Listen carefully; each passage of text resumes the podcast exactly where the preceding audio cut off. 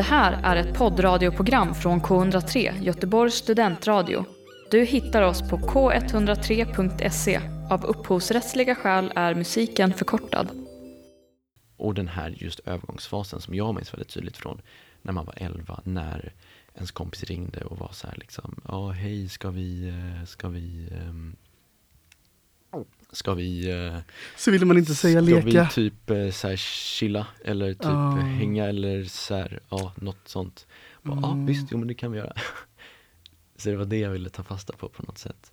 Mm. Um, Och det tyckte jag ju du gjorde så jävla fint för att det fick jag också med mig efter jag hade sett den att bara även om det var så mycket som hände och det var så mycket som var snyggt men så var det också så här om steget mellan barndom till tonåren liksom. Ja, det precis, klivet är liksom. Ja, men för man pratar ofta om, och jag tror det är det jag också nämnde här tidigare med att jag var så dålig på att vara tonåring. Mm, Man pratar ju ofta om att gå från tonåring till vuxen. Men exakt. att gå från barn till att man ska vara tonåring helt plötsligt och man ska vara tuff och man ska skrika på sina föräldrar. Det, det steget tyckte jag var jäkligt svårt Ehm, och jag kände mig så malplacé i den åldern när jag ville fortsätta med, med så här, så här lekar och, och så här klä ut sig och göra knäppa filmer. Ehm, och så skulle man vara så här cool helt plötsligt. Så, ehm, och, och arg. Och då, då, ja, ja, ja, det, var en, det är en lustig ålder liksom. Välkommen till podcasten Äkta känner äkta. En podd om teater och film. Mitt namn är Marcus Tandoft och dagens gäst heter Odin. Hej Odin! Hej Marcus! Välkommen hit! Tack så jättemycket! Ja, jag tänkte säga så här, välkommen till Göteborg för att vi snackar om nu Göteborg och lägenheter Ja, just det. precis innan. Ja, Men, men du har ju bott här ett tag nu. det har jag. Ehm, ett och ett halvt år har jag Mm. bott här. Mm. Och är ju ganska, även om det är ju sårigt att kalla sig själv för göteborgare, men vad heter det, men jag har ändå varit mycket i Göteborg, för mina föräldrar är härifrån. Ja, Så det, det jag- ja. Så jag känner ändå till staden, så det var väldigt, eh, ganska familjärt att flytta hit. Mm. Det var liksom inte helt nytt liksom. Hit kunde du hitta liksom när du flyttade hit? Att, Ja men det kunde ja, jag. det ligger där och där. Ja, men det visste jag ändå, liksom. och- Jag har ändå spenderat eh, liksom alla somrar här sen jag var liten, så jag hade ändå koll på stan liksom. Ja. Men så det var en perfekt balans liksom, eh, från någonting nytt och fräscht men ändå eh, någonting familjärt liksom. Vad har du gjort idag annars? Idag så har jag eh, vaknat eh, och sen så har jag varit på, eh, på, min, på skolan och eh, em, fixat i en, en blackbox med lite ljus och sånt där. Mm. Em, ja, och hållit på. Jag håller på med en liten, eh, en, en, när släpps det här avsnittet? Det här släpps i april, maj någon gång. Okej, men perfekt. Ja. Nästa vecka ska jag ha då en överraskningsmiddag för två av mina kompisar. Så jag och mina andra Är kompisar brukar, vi är liksom ett gäng, kompisgäng och när någon fyller år så brukar de få ett presentkort på en, en middag någon gång. Ehm, och den middagen har liksom, ehm, vi liksom över, försöker överträffa oss själva varje gång. Och nu är det den tre, fjärde gången. Ehm, så nu försöker vi slå på stort. Så nu är vi inne i en blackbox och det ska vara ljus och ljud. Och vi spelar, olika, alltså vi spelar olika karaktärer och gör musikalnummer när de kommer in liksom. Är det sant? Ja, det är jättekul verkligen. Det är otroligt roligt. Oh, Och de wow. förväntar sig inte någonting. Det är två kompisar, de fyller år på samma dag. Mm. Ehm, och de, den ena är väldigt stort, alltså hon är en väldigt stor fisknörd, kan alla olika hajraser och fiskar och sådär. Okej. Och den andra gillar um, anime väldigt mycket, så vi har gjort en mishmash av liksom en underhavs Ehm, ja, när man säger det högt så hör man ju hur sinnessjukt det låter, men, men, ja, men det, låter ju jättehärligt. Ja, det är, väldigt det är väldigt kul. Ja, ja, det är väldigt roligt. Men man, man äter ju upp sig själv i att jag jobbar ju på vidare i sådana här skitsaker, små saker bara för att för att maxa överraskningen liksom. Vad exakt var det du gjorde idag? Idag så har jag liksom, ehm, inst- alltså liksom installerat lamporna och sett till och gjort olika ljusmoment så att det ska kännas som att vi är under havet. Så här lite bl- blått skimmer då eller? Ja, exakt, precis. Oj, jävlar vad häftigt. Ja, jo, men jag tror det blir coolt. Och så, så jag är liksom ljud och ljus de- departmentet och sen så har jag en annan kompis som är liksom scenografi department och sen så har vi några som är mat, mat department så vi liksom har olika ehm, uppgifter då. Så hon håller på och syr så här kelp, em, liksom sjögräs, kelp, em, slingor som ska hänga. Vad är kelp? Ja, vad fan är det då? Som en sån här sjögrässkogar liksom som finns. Så här tjockt sjögräs. Ja. Men som ska hänga ner så här då liksom? ja, precis. Jag vet Okej. inte vad kelp, jag bara vet det för att det finns någonting som heter kelp i Minecraft tror jag. Mm. Det, det är därför. Okej. Du, När exakt blir den här överraskning, överraskningsmiddagen? På, eh, på söndag, så om exakt en vecka. Mm. Em, Så det var därför jag frågade om avsnittet Ja, ja, innan dess, fattar, men det gör det inte. Så det är väldigt Gud skönt. vad spännande. Ja. Jag hoppas att ni får det supertrevligt. Ja, men det tror jag, det, det, tror jag. Ja, Jag jag, kan, jag kan inte annat än tänka mig att det kommer Nej. bli liksom, Ja, nu, det kommer bli sjukt kul tror jag. ja men jag hoppas det. Mm. Det blev, det blev en lång utläggning på en, på en liten fråga, vad jag gjorde idag, men... Ja men det, är- det är eh, fantastiskt tycker jag. Ja, Men du, vi ska köra tio snabba. ja kul. Mm. Hur många avsnitt har du hört innan? Jag har hört två avsnitt. Mm. Nej, tre. Tre Mm. har jag hört. Det här är K103. Fullständigt namn. Odin Romanus. Och nu är jag så nyfiken. Jag har aldrig hört någon som heter Odin innan. Inte jag heller. Eller jo, Eller jo, det har, i, G- guden. ja, guden heter ju det, precis. I, ja, vad är det? Han heter ju Oden i Sverige. Oden. Och Odin i Norge och resten av världen. Ja. Ehm, men, ja precis, det är väl Som jag förstått det så såg mina föräldrar namnet i typ eftertexterna till Braveheart, tror jag. När Mm. de satt och kollade. Och bara, Okej. ja men det där ska vi ha med. Ja. Ehm, så jag tror det är därifrån. Det, det fanns liksom inte någon större tanke med Mm. det. Jag tror de hade nog inte koll på att det kom från en gud.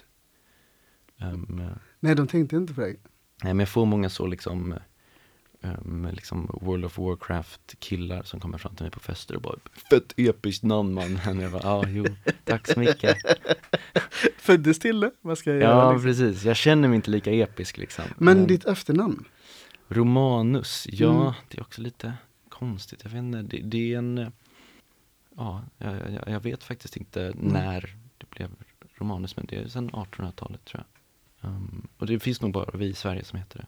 Det är två väldigt ovanliga namn, Ja, men väldigt fina. ja men tack så mycket. Ja. Tack. Eh, ja men jag gillar, jag, Odin har jag haft lite svårt för. Eh, men det är, ja, det är kul, det, det, man får mycket frågor om det, det är roligt. Mm. Jag, jag, har aldrig, jag, jag träffade faktiskt, ehm, jag var på Masthuggsteatern för några veckor sedan. Mhm. Ehm, och så, jag har aldrig träffat någon som heter Odin innan. Um, och har gått runt hela mitt liv och liksom så hållit utkik. Ehm, och så var jag på en barnföreställning för mellanstadiet Mm. som handlade om spök, det var spökutdrivning. Ehm, så det var lite så typ, man gick runt i korridorerna och så var det lite så spökrunda och så satte man sig ner igen och så var det en scen med liksom lite, ja, jättebra föreställning. Ehm, och så var det en liten kille som liksom gick runt och han hade sin pappa där. Och så gick de runt eh, och han liksom här, skulle kommentera hela tiden. Ett sånt barn liksom. Um, och sen så hade vi gått en slinga och så skulle vi sätta oss ner på liksom den andra scenen som han kom till till slut. Och så går jag bredvid honom och så har jag hans pappa som redan har satt sig. Så, Odin, Odin, kom, kom. Och jag bara, snackar han, känner, känner vi varandra? Snackar han med? Och så tittar jag ner på den här lilla killen då. Och han springer så och sätter hos farsan. Så jag bara, nej. Så gick jag bort dit till honom och satte mig. Um, och frågade honom, så, du förlåt, he- heter du Odin? Och han tittade på mig och bara, ja, vad då då? Jag med! Han bara, fan, heter du också Odin? Oh my god! Och så lyssnade vi typ inte på liksom resten av hela föreställningen, för det var bara så här, vi Oh, satt och wow. fangirlade över att vi hade hittat någon annan. Ja. Ja, Va, alltså det måste ju varit så stort för dig. Men jag menar, ja jag, när du har gått liksom så här hela ditt liv och bara, ingen heter Odin förutom jag. Nej, det var, det var mycket större för mig än vad det var för honom, för Ja. han, han var ju bara så liksom åtta år. Ja. Så han har ju bara gått åtta år av sitt liv utan att ha träffat någon som heter Odin. Mm. Jag har ändå gått snart 22 år. Så det var ju liksom en större grej för mig och ja, det var, det var väldigt kul. Jag har inte träffat honom sedan dess. Men jag går till Masthugsteatern ibland och håller utkik efter honom faktiskt. Det ska jag vara ärlig med. Jag tittar bland barnen bara, vart är han någonstans? Det är Odin liksom. Gud vad härligt. Ja, Ålder? i- i- eh, 21 21. Mm. ja. När fyller du 22? i oktober. Mm. Ett tag, men ja. Hur känns det för dig att vara 21? Ja, men jag gillar, eh, jag gillar 21 faktiskt. Jag tror att jag känner alltid, jag har alltid varit ganska så lillgammal tror jag. Ehm, för varje år så känner jag att jag kommer närmare min mentala ålder liksom. Eh, Mm. Men, men, men 21 tror jag, eh, jag tycker det passar mig ganska bra. 15 passar inte mig så bra. Ehm, På grund av? men för att jag kände mig inte som en tonåring. Jag var ganska dålig på att vara tonåring tror jag. Jag var liksom lite för, ehm, lite för eh, gu- gubbig helt enkelt. Liksom. Ehm, ja, så eh, Säger du och ler, men var det ett problem för dig liksom? Eller tyckte du att, du sa att du tyckte att det var, var det Mm. jobbigt liksom? nej men det var mest att jag liksom inte kände att jag anammade den tiden på samma sätt som jag gör nu. Jag kunde liksom inte vara det här, men mamma sluta nu! Utan Mm. jag var liksom mer att jag Men mamma, hade vi inte kunnat prata igenom det här? För jag känner att det blir jobbigt när det blir så här mellan oss två. Ehm, jag var nog lite, ja men lite så lillgammal liksom och Mm. ehm, det var ju inte, nej det var inte jobbigt eller så men, men ja, jag var inte så bra på att vara tonåring helt enkelt. Nej, det behöver man inte vara. Nej, Den åldern passar absolut inte alla. nej. Eh, var gick senaste resan? Ja men eh, senaste resan var Berlin. Mm. Om, om man ändå ska se det som en resa liksom och inte Ja. en transport. Eh, så i Berlin med, med klassen i höstas. Oh, wow. Ja, Jag var... har aldrig varit i Berlin. Nej, inte jag heller. Det var första gången för mig. Men berätta om Berlin, vad, vad gjorde ni där? Eh, vi var där och skulle se teatrar och liksom, vi var där som klassresa och skulle titta på eh, teater, scenkonst i Berlin liksom. Um, det var jättekul, jag har aldrig varit där förut. Um, det var en väldigt så, jag tror en ganska så stark upplevelse för mig. Um, jag åkte ganska mycket ensam och gick runt mycket på museer i och med att jag har både på, på pappas sida så har jag judiskt påbrå och på mammas sida så har jag släkt från Östtyskland liksom. Ehm, Ja. Så det var en ganska, ehm, ja det var en väldigt r- liksom, ja men stark resa att göra och gå på alla museer och liksom höra om både nazistregimen men också um, kommunistregimen eh, Mm. i öst liksom. Ehm, så det var, eh, det var en jättebra resa och det var jättekul att se teater där. De var väldigt skickliga. Man förstod ju förvånansvärt mycket. Även om jag inte kan tyska särskilt bra så var det verkligen att eh, de hade ett sånt, eh, ja men vissa föreställningar som man såg så fattade man liksom nästan allting för att de liksom var så jäkla skarpa i sina riktningar och skiftningar i rösten och sådär. Det var väldigt kul. att- Och kroppsspråket och eller? Ja men precis ja, det var, eh, ja de var så, nej det var, man, man förstod. Och det var liksom inte engelsk text heller någonstans. Nej det var på en föreställning som det var det, den förstod Mm. man nästan minst på.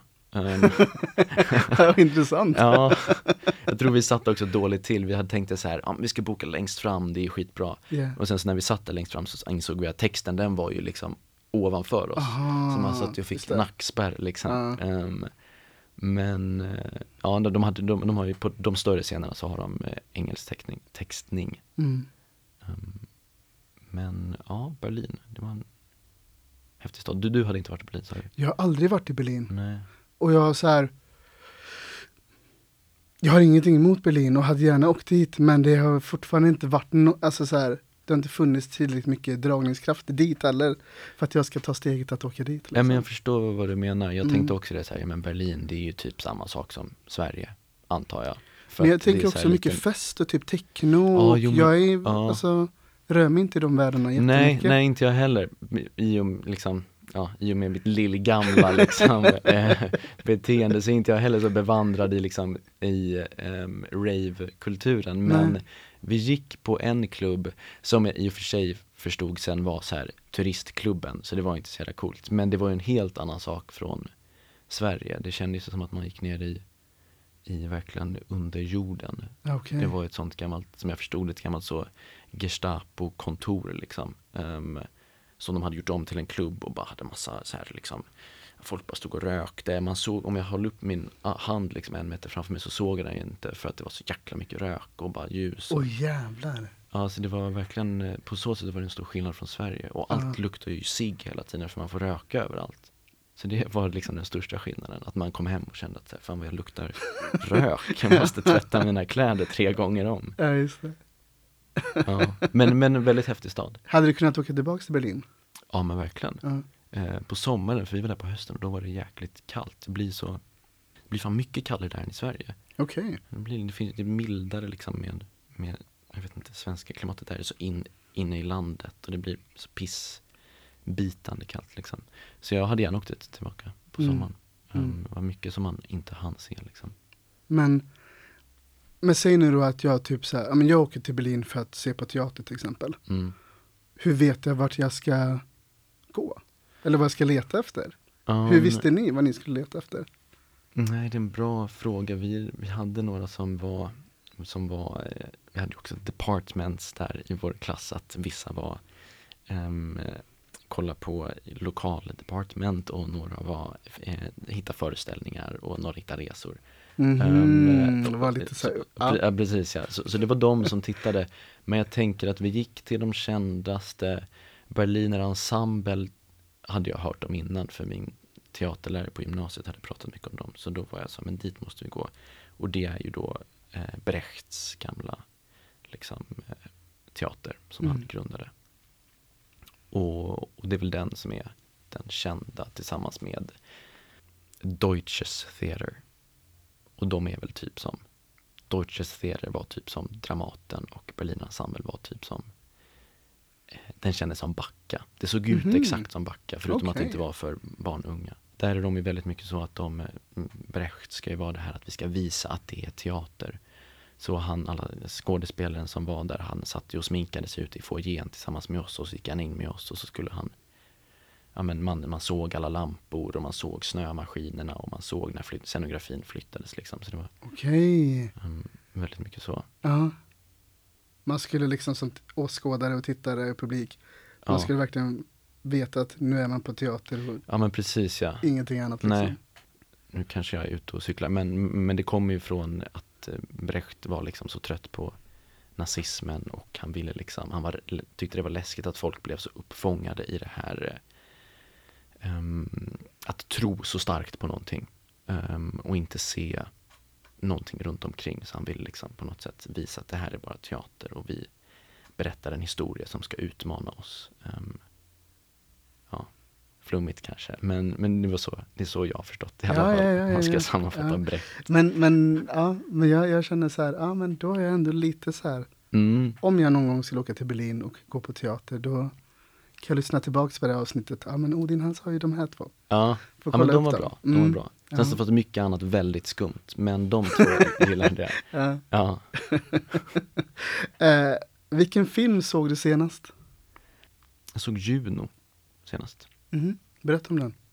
Den har jag sett förut, men, men jag och min flickvän klädde ut oss till um, Elliot Page och Michael Cera. Deras karaktärer i den. Så då kände vi att vi behöver se den igen. Jaha. Eh, Var ni på maskerad eller? ja, precis. Vi Ja. firade Purim, som är en, en, en judisk maskeradfest. Mhm. Vad heter det sa du? Purim. Okej, ja. Ehm, eh, ja, man klär ut sig och ehm, ja, går dit. Så då var vi de två. Mm. Ehm, det var kul. Men eh, det är en fin film, har du sett den? Nej, Juno? nej. Den är verkligen sevärd. Den Vad handlar den om? handlar om en 16-årig tjej som blir gravid och eh, funderar på att göra abort men sen bestämmer sig för att eh, adoptera det till ett eh, så här, medelålders par som har försökt väldigt länge. Och så, eh, ja, så um, sker det massa saker mellan henne och det här paret och de bygger relationer. Och, en väldigt rolig film, Mm. jättehumoristisk men också väldigt fin och liksom hjärtevärmande. Vet du var man kan se den någonstans? Disney Plus Disney plus? såg vi den på. Okej, Mm. ja. Då ska jag hem och, ja Det är bra. en sån härlig amerikansk high school indie coming of age film. Liksom. Mm. Ja. Juno, sa du? ja, precis. Juno. Ja, tack för tipset. Mm. Håll i dig nu. Favoritklädesplagg?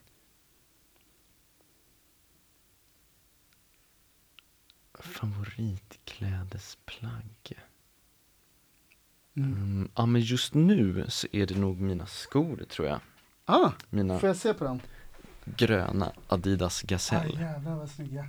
Ja men jag, Jag gillade ändå dem. blå, mörkblåa sådana. Ja, Har jag haft. de är härliga också. Mm. Ja, så de gillar jag nu. Känner mig som att jag går i mina gyllene skor på stan. De såg jättenya ut. Ja men de är ganska nya, de är härliga, de är sådär lite benvita i sulan. Ja. Du, har hållit dem, du har hållit dem bra. ja, de är ju kanske en, en eller två veckor. Mm. Men jo, jag har försökt göra mitt bästa. Ja, Ja. de gillar jag. Hur viktigt är skor för dig? Ja men, eh, det är ju nog inte det plagget som jag lägger mest, och jag- som, som jag köper mest olika liksom av. Ehm, så jag, jag tror faktiskt inte det, men nu, nu ändå kostade jag på mig och köpa ett par och det kände jag att det, det, det gillade jag. Det är någonting att ha. Jag gillar att ha lite för små skor. Jag vet inte, det känns som att man är lite på, på, på tå då. Liksom. Mhm, Okej. Ja, det är lite, lite skumt kanske, men, men det, jag, börjar knyta, jag brukar alltid knyta dem jäkligt hårt. Liksom. Ja. Känns som att man är, man är redo. ja, då är man redo. Ja, precis. Än att de är så lösa och slappa och ja, Ja, men precis. kan du fatta det tänket lite? Ja. Kör du, har, alltså, använder du skohorn eller knyter du skorna? Jag använder skohorn, Ja, men jag knyter upp skorna också. Ja, du gör det? Ja. Ja, men det är bra. För, för, för jag, det är många som bara alltså, knyter dem och bara låter dem vara så här, trampar ut och in. Mhm, i dem. mhm. Jag gillar ändå att knyta upp dem. Ja, nej men det, det är också. Det är- Men ändå har det liksom på mina på mina Nike till exempel, där Ja. har det ändå liksom gått så här sönder där bak i hälen liksom. För att du ändå trampar ner liksom. Jag vet inte varför det sönder. Men jag, alltså i, mitt, i min värld och mitt Ja. huvud så tänker jag att jag använder skohorn varje dag. Men jag kanske inte gör det. Nej, Något fel måste jag göra som de har gått sönder lite där bak liksom. exakt. Mm. Ja. Nej, men jag gillar, det är någon ritual över att knyta skorna igen liksom. Jag Mm. tycker det är härligt att knyta upp dem, knyta dem. Ja. jag köper det. Ja. Eh, det här ska bli spännande att se vad du svarar. Hur ser en optimal helg ut för dig? Eh, Men det hade nog varit, alltså jag gillar ju mycket att vara hemma, alltså jag gillar att vakna, um, ja men sådär inte för sent men kanske att jag vaknar av mig själv, av solen, Mm. fågelkvitter klockan tio. Sen en sovmorgon men inte att man har sovit bort liksom. Inte två, två tre liksom. Nej precis Nej. ja. Ehm, gå upp och sen så brukar jag mm, steka scrambled egg, eller äggröra. Mm. Ehm, jag äter ju väl ot, o, liksom, um, ohälsosamma mängder med flingor. Alltså Mhm. bara flingor och mjölk. Ehm, Okej. Ja, och sen så har jag lite frysta bär på också. Mm. Det har ju varit min liksom föda, alltså kanske jag tror genom mitt liv så är det nog, så består nog ändå min föda av liksom 50% av flingor och mjölk. Är det sant? Och sen så är ju de andra 50% olika maträtter liksom. Ja, men, ja. men det är ju frukost, liksom mellanmål, um, ibland, och nu när jag flyttat hemifrån också ibland middag och kvällsmat. Ja. Eh, Okej, men fortsätt då på helgen. Hur, vad, Ja. vad, vad ska hända sen? Ja men sen ehm, så, ja vad gör jag? Alltså det hade ju, um, skönast hade ju varit, som sagt jag gillar ju att vara hemma liksom och fixa någonting på, på datorn. Jag tycker det är liksom lite kul och sådär. Jag har ofta något lite sidoprojekt som jag liksom klipper en film eller gör någon liten poster till någonting. Um, så jag tycker det är kul att ha något sånt liksom om, om jag håller på skådespelare som liksom huvudgrej så gillar jag att ha någonting. Det är väl min hobby liksom i så fall. Och många kan ju liksom se det som också jobb men jag tycker det är mer att få sitta och, och, och göra lite collage och Mm. posters och, och kanske några, jag gillar att hålla på med specialeffekter och sånt där på Mm. datorn. Göra Okej. sådana där saker. Så jag har ofta lite något sorts liksom em, kortfilmsklipp eller någonting som jag pillar med. Okej.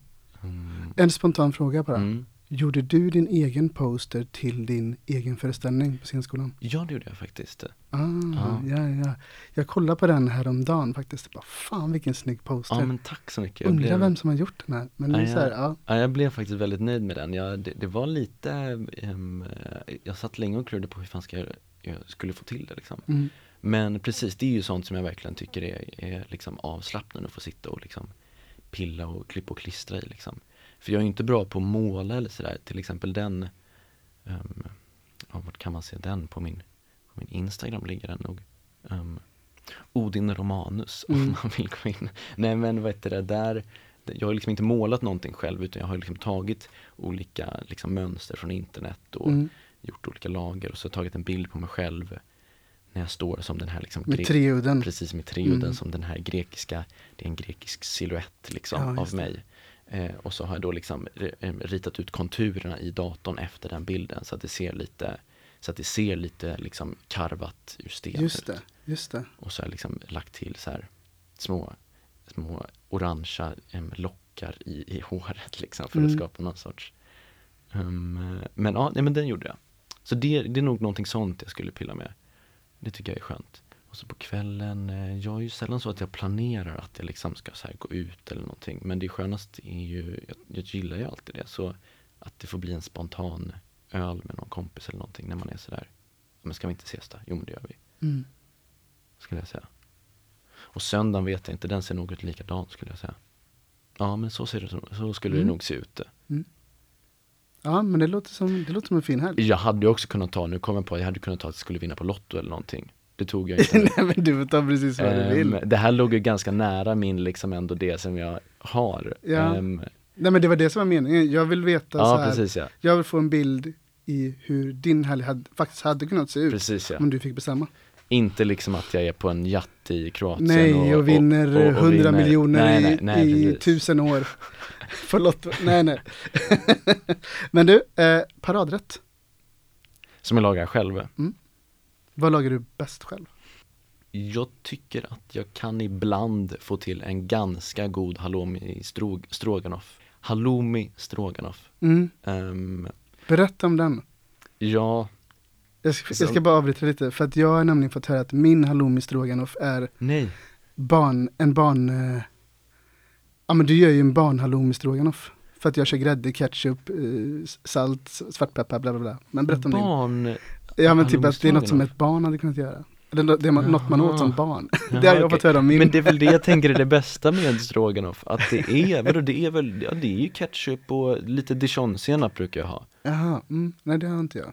Det är gott. Men annars tänker jag ketchup, helge, alltså ha, Ja. ha i det. Ehm, nej men det är väl en så härlig så liksom skolmatsals eh, liksom variant. Men har du lök i din? Ja, jo, men det har jag. Mm. Gul eller röd lök? Gul eller? Gul. Ja. Men det har inte du eller? Jo. Ja, ja. Okej. Mm. Och Om du inte hade haft lök så hade jag kunnat köpa att det var mer än barn Aha, aha. i, ihop. Men, men lök är ändå lite moget. Okej, och vad har du till den här då? Har du ris eller har du? Ja, med ris. Mm. Och kanske någon, eh, bara några salladsblad eller någonting. Mm. Skulle jag säga. Men som sagt, ibland får jag till en ganska bra halloumi stroganoff. Det är viktigt att lyfta. Ja, precis. Okej, mm. Jag, nej, jag är inte skitbra på att laga mat, det ska jag inte Nej. säga. Okej. Vad är viktigt för dig för att du ska må bra?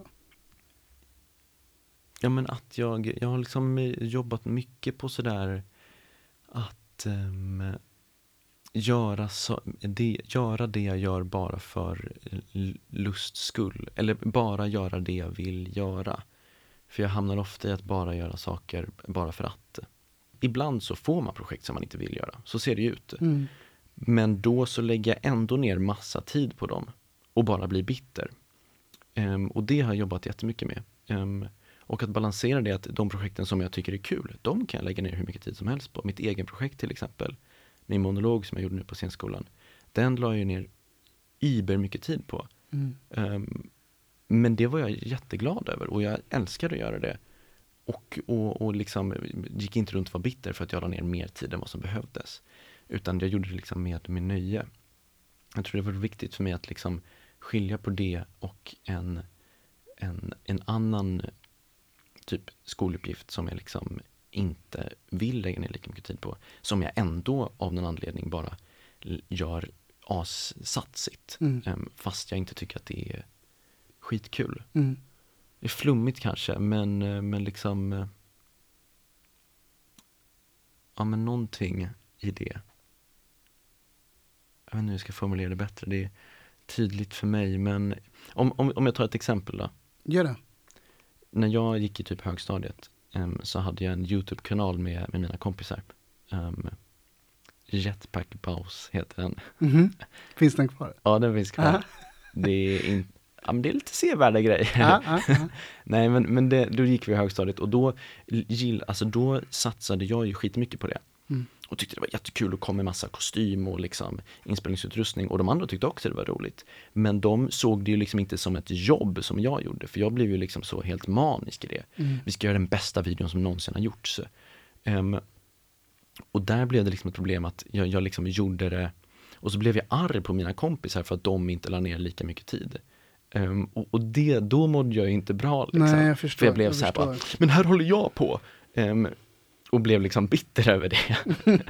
Ehm, så det har, varit ett, ja, det varit ett arbete för mig att liksom backa upp och bara, men jag, gör, jag jobbar bara till den gränsen som jag är nöjd med att jag gör själv Ja. och inte bryr sig om de andra gör um, i, i, ger mig lika mycket i den, i den Mm. nivån liksom. Ja. Ehm, så att man inte, för, för då blev det att jag liksom började göra de här videosarna asmycket och så blev jag istället sur. Men sen så lärde jag mig att liksom backa ner och bara, ja men okej, men jag gör så här mycket, det här tycker jag fortfarande är roligt.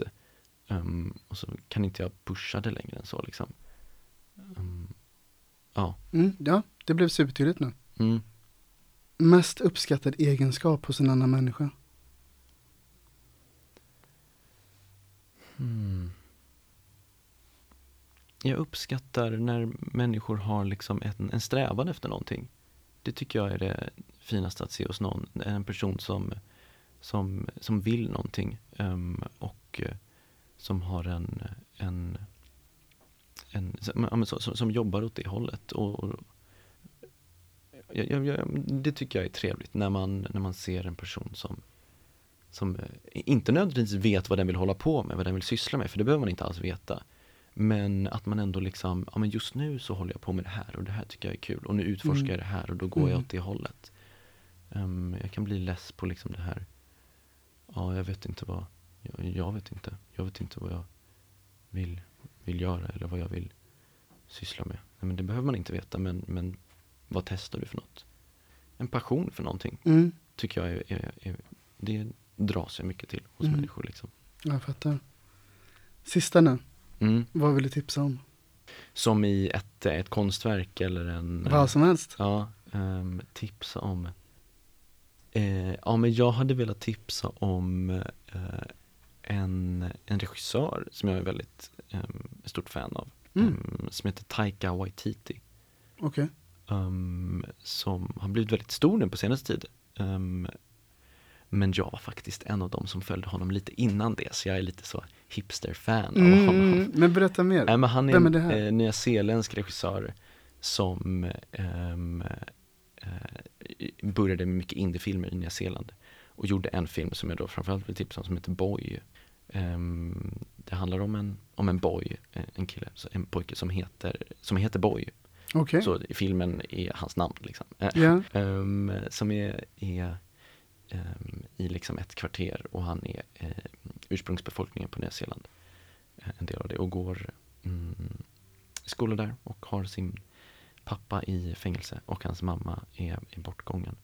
Och så handlar det om hans, eh, hans eh, fantiseringar kring hans pappa. Han och hans lillebror bygger upp sin pappa väldigt mycket och han har, han har slagit ner hela eh, rugbylandslaget och han har träffat Michael Jackson fem gånger och han är det här och det här och sen så kommer pappan ut ur fängelset och kommer hem till dem och då inser de att han inte är så jäkla cool som, ehm, som de eh, hade byggt upp det. Nej. Och då är det Taika Waititi som spelar farsan bland annat. Okej. Men han eh, har gjort jättemycket bra grejer efter det. Det var liksom en av hans största, liksom första featurefilms.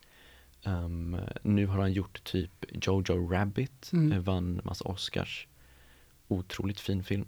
Um, han har gjort What We Do In The Shadows, som är en vampyrserie och film. Som också är eh, otroligt rolig. Så jag gillar allt som han gör. Um, ja, så honom vill jag titta om, tipsa om. Följer du in, in regissören på Instagram? Ja, det gör jag. Um, Taika Waititi. Hur kändes det här för dig att göra de här tio snabba? Kul, man får, man får verkligen reflektera över, över em, sig själv. Mm. Det är spännande. Och, och försöka vara snabb. Ja, nu blev ju inte det här så mycket snabba i och för sig. Det är inte meningen egentligen Nej. heller. Nej. Så att det, det är superlugnt faktiskt. Ja. Mm. Du lyssnar just nu på en radiostation som är del av SRS, studentradion i du? Sverige. Var är du uppvuxen någonstans?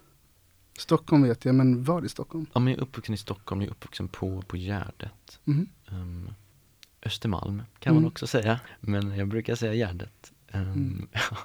Men berätta om din uppväxt, liksom, hur var det att växa upp där?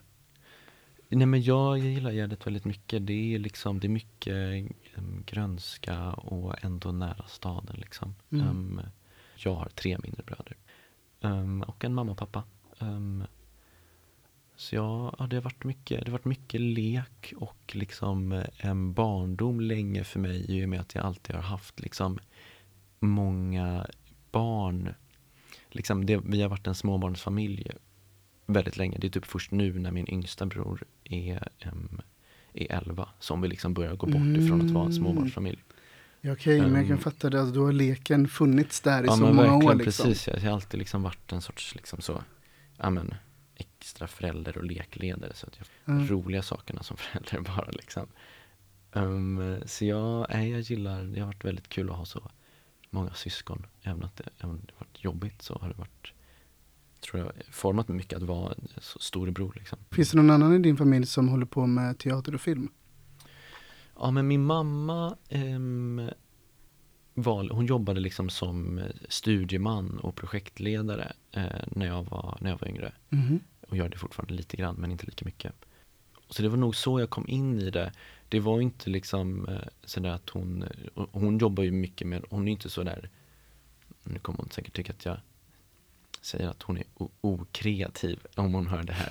Men, men, men, men, men, men, men, nej, men hon är ju väldigt, alltså hon planerar ju och har ju stenkoll på när alla ska in och ut och vilka som ska dit och vilka som ska vara med här och var och tiderna och sådär. Så hon är ju Mm. verkligen en logistikkvinna och är fantastisk på det. Ehm, men, men hon är inte, hon, hon har inte nödvändigtvis skickat in mig i liksom det kreativa skådespeleriet eller liksom film vä- ehm, skapandet utan det är mer att jag har fått vara i, den, i det rummet och tyckt att det har sett så jäkla häftigt ut. Ehm, och så började jag typ, och så kände hon ju någon som behövde något barn någon gång så då gick jag på en casting liksom.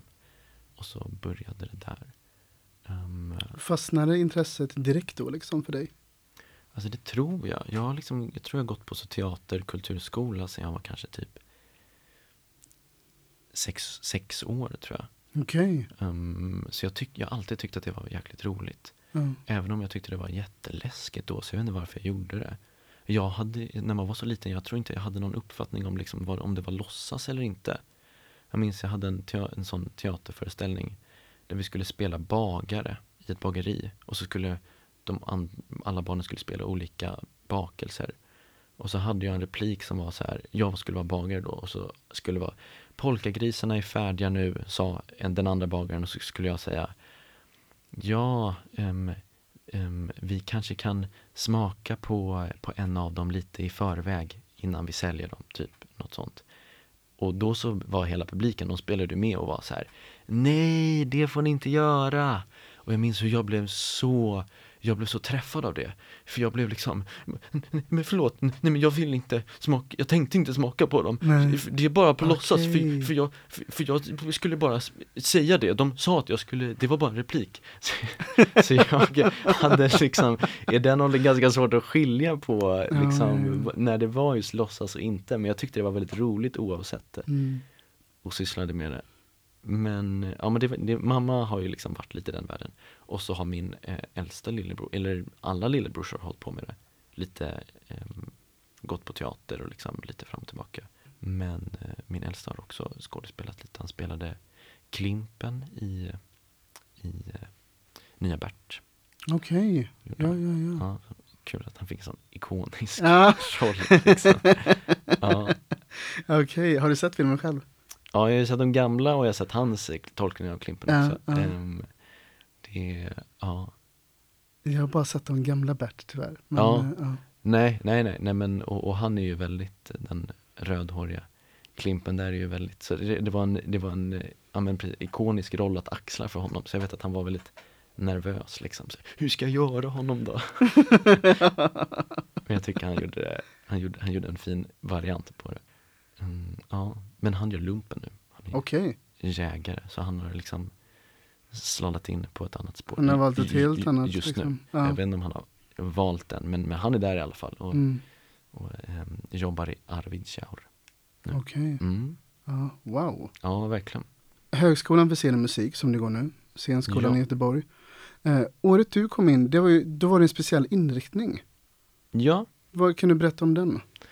Ja men vi, min klass går en, liksom en, det är ett litet filter som är, de kallar det för Care of ungteater. Mm. ehm, som syftar då på liksom att vi samarbetar med olika um, teatrar som har um, ja, teater för em, barn och unga som fokus här i Göteborg. Så vi har samarbete med Angereds teater Mm. där du har varit em, och Eh, Backa, eh, Masthuggsteatern eh, och Regionteater Väst ute i Uddevalla. Um, så vi har varit lite ute i deras lokaler och liksom, eh, ja men haft workshops med dem. Vår slutproduktion ska vi ha på Angereds teater.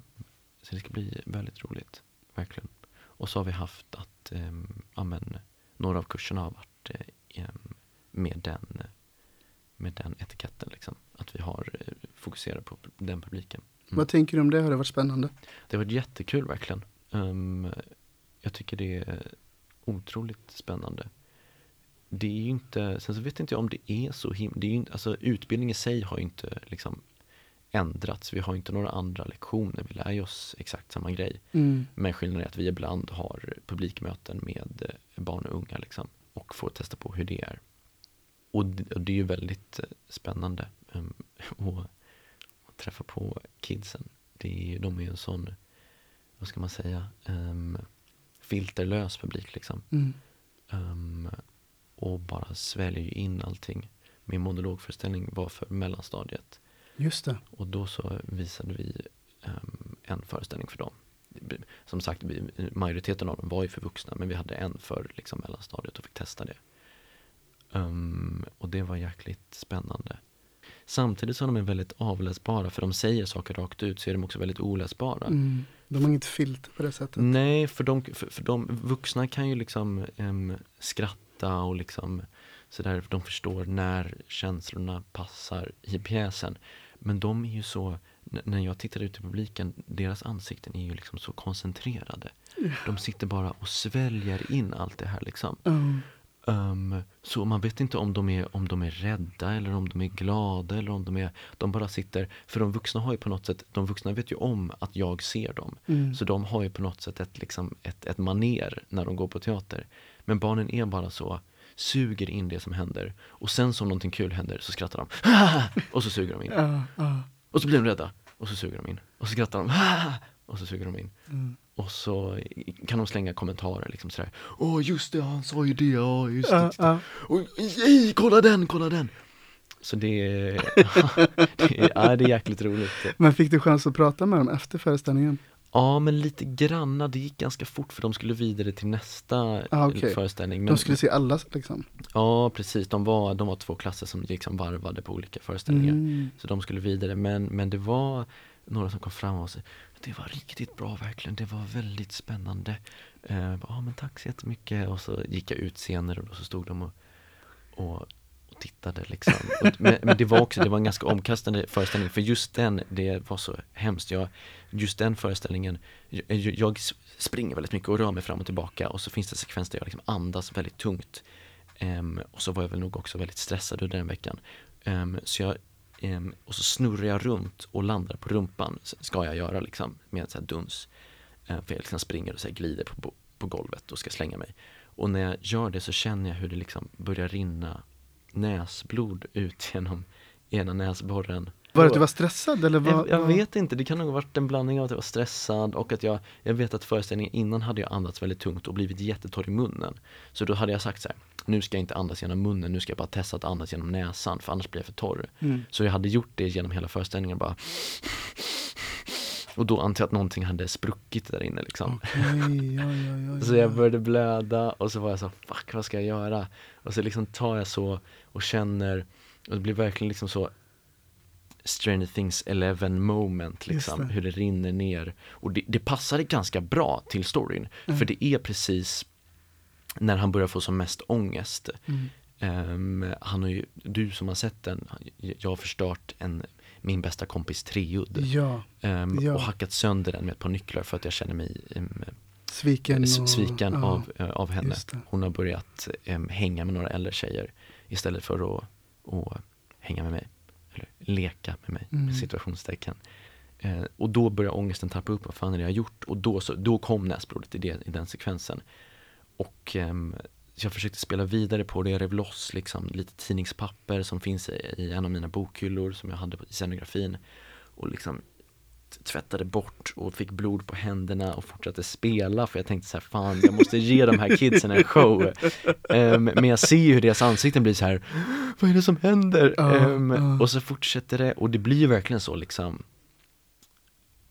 Lady Macbeth eh, Det slutar inte liksom. monolog, nej det slutar inte. Nej. Jag sitter, det är en sekvens då det blir en black, när det liksom blir blixtnedslag. Och då sitter jag bara så här, försöker liksom pressa och försöka få det att stoppa. Ehm, och då lugnade det sig lite. Och sen så var det slut efter det. Och så sa jag i publiktacket efteråt, tack för att ni kom. Jag ber om ursäkt, jag började blöda näsblod här. Jag hoppas inte att någon tyckte det var obehagligt, liksom, jag mår bra. Mm. Och då var alla så, var det en liten tjej som bara Ja, för jag satt och tänkte hela föreställningen, hur har han lyckats med det där?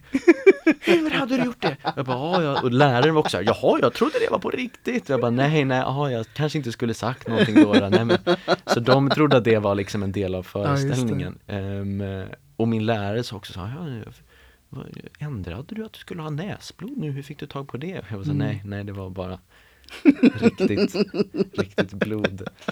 Det var väldigt kul. Och så deras reaktioner på det, de köpte ju allting liksom. Näsblod, sure, visst. Ja, Hade inte något. ja. Ja. Ja, gud. Vi, vi ska prata mer, mer om din egen föreställning sen. Men när jag skrev till dig på Instagram och frågade Ja. om du vill vara med här. Mm. Då tänkte, eller i mitt huvud så tänkte jag att första gången jag såg dig, Mm. det var på din egen föreställning. Just det. Men då skrev du att, ja för vi har ju setts i Angered också. Ja, för vi hade den här, jag minns dig från den här, vi hade en workshop em, som i att representera en annan människa. Ja, Em, och då blev du representerad av Navar, Ja, om jag minns rätt. Precis. Och, det, och, och, jag, och då så här, det var det precis att, bara, ja just det ja, hans klass var ju där också. Ja. Så här, och vi, och vi, åt, ehm, vi åt lunch tillsammans efteråt liksom. Vem representerade du då? Em, jag gjorde en monolog em, em, kring Nikola, min kompis, som Mhm. går i klassen över mig. Mhm. um, Nikola Borgård Gavanosov um, gjorde jag eh, och intervjuade honom om hans barndom och sådär. Och skrev en liten kort monolog som jag framförde. Men det är ett svårt ämne där, det är ju väldigt känsligt. Det är intressant det, hur man ska göra för att eh, ja, men berätta em, andras historier. Vilka historier får man själv berätta, vilka historier ska... em, ja, men, eh, hur tar man hänsyn till det? Mm. Mm, men samtidigt spelar en roll. Mm. Man kan ju inte bara spela sig själv liksom. Jag tyckte det var en, det är ett intressant ehm, ämne som verkligen känns som det är otroligt aktuellt nu med teater och film, i teater och filmvärlden. Ja, jag minns det som ett jättekänslomässigt liksom Mm. eh, berg och dalbana. Ja, för Att- du blev att, eh, representerad. Precis, så Mm. att min, min Naward och min, min gamla klasskompis från Angereds teaterskola Mm. som jag nämnde innan. eh, han intervjuade mig då. Eller så, så bara liksom skulle han spela upp vissa liksom collage eller öar Ja. av saker som jag hade berättat för honom liksom. Just det. Eh, och jag vet att så här, när jag kom in där då satt ni i en ring typ. Mm. Och då hade någon spelat innan så ni satt och diskuterade det eller Mm. vad det var. Så smög jag in och, och jag tror att det var Johanna Larsson som bara, ja men kom in, kom in Marcus, Mm. du kan sätta dig här. Och då satte jag mig på första raden. Och sen Ja. så blev ni klara och liksom sådär. Och då var det Nawars tur och så bara slog det mig att bara det är mig han ska gestalta nu. Jag vill inte sitta på första raden. och Nej, då gick jag och satte det. mig längst bak så här. Det vet. var väl klokt det. Ja, men, Ja. Det, men det var en häftig känsla. Ja. Ja men hur, eh, hur kändes det när man väl såg det? Var det liksom, eh, Det var läskigt. ja, jag kan tänka Det mig det. var skört. Det var fantastiskt. Ja. Mm. Jag tolkade vissa saker som han gjorde på ett visst sätt, men sen när vi pratade om det så kanske han bara, nej men jag tänkte bara så här, eller typ så här, nej men jag gjorde så för att på grund av att du sa så här liksom. Så man satt hela tiden och övertänkte och överanalyserade. Ah, ja. Okej, varför tar han steget dit? Eller varför går han upp på Ja, trapporna just där? det. Vad menar han med det? Vad, Ja. vad sa jag nu? Och du vet så här. Så, ja, nej, ja. intressant det. Lyssna på K103, Göteborgs studentradio. I vintras så hade du din egen föreställning. Ja, Ja, vi var inne på den innan. ja, Hjälten bakom bokhyllan. precis. En berättelse om att vara ensam hemma när ens kompis vuxit ifrån en. Ja, Och jag minns så här, när jag var, den kvällen jag var där, jag var där med min kompis Mårten och så vet jag att vi gick på massa, massor av olika egenföreställ eller egenföreställningar som man gör Ja. liksom när man Mm. är där. Och så vet jag typ så här att det var lite surr i korridorerna typ så här. Ja, ah, ni måste gå på Odins, ni måste se på Odins så här. vad smickrande. Och jag bara, ah, va, okej, ja. Så jag var lite så här, jag var lite förberedd på att, okej, this is the shit. Du vet, sen när jag kom in. Men efteråt, och jag minns sista scenen så jävla tydligt. Jag, be, alltså jag ber till guden att du kommer sätta upp den igen, så därför ska jag inte spoila den, men jag var helt knockad. Ja, kul, vad glad jag blir. Vad, det betyder väldigt mycket. Det är väldigt fina ord. Ja, men jag var så här, det var otroligt så här skickligt berättat, gestaltat. Väldigt mycket så här, men som du näm- nämnde innan, det var mycket så här effekter och du använde dig mycket av väldigt fin musik. Och de här scenografierna och de här bokhyllorna som du också kunde flytta och vrida och Ja. vända och, och sådär. Så att det var, det var en sån jäkla show. Ja men tack. Det, det har varit ett hjärteprojekt. Mm. Den eh, handlar ju liksom verkligen mycket om eh, ja, men jag tror jag har tagit mycket liksom från mig själv, även om det liksom, han är inte um, i- Ingenting har ju hänt mig själv nödvändigtvis, men jag har liksom försökt ta fasta på den här känslan som man har i den åldern. Um, det handlar om Noah, um, som är 11 år, som uh, kommer hem från skolan uh, och är ensam hemma. Ensam hemma. Fan vad chill. Man kan bara käka mackor hela tiden. Dessutom har jag och mamma precis flyttat in i det här eh, jättestora, jättefina huset. Det är verkligen så fint. Och jag trivs jättebra. Det finns massa tomma salar som man kan eh, springa runt och hänga i och bara ta det lugnt och, och chilla och hänga. Jag hänger alltid med min kompis Sara. Många skulle säga att jag och Sara leker, men det gör vi inte. Vi hänger. Det vi gör när vi hänger är att eh, vi gestaltar. Sara gestaltar monster och jag gestaltar hjältar. Och det är inte vilka hjältar och monster som helst. Nej, utan det är hjältar och monster.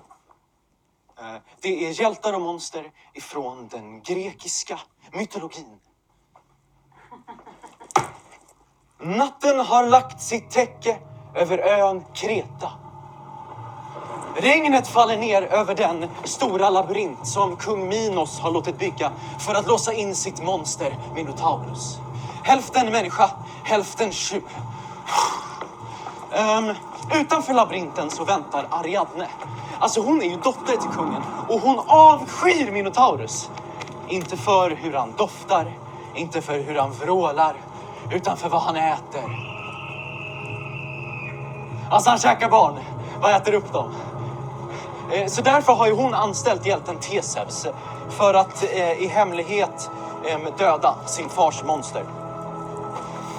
Och nu så väntar hon utanför. Eh, och han är ju den grekiska mytologins största fanboy. Liksom. Ja, just det. Han Just det. älskar de här grekiska historierna.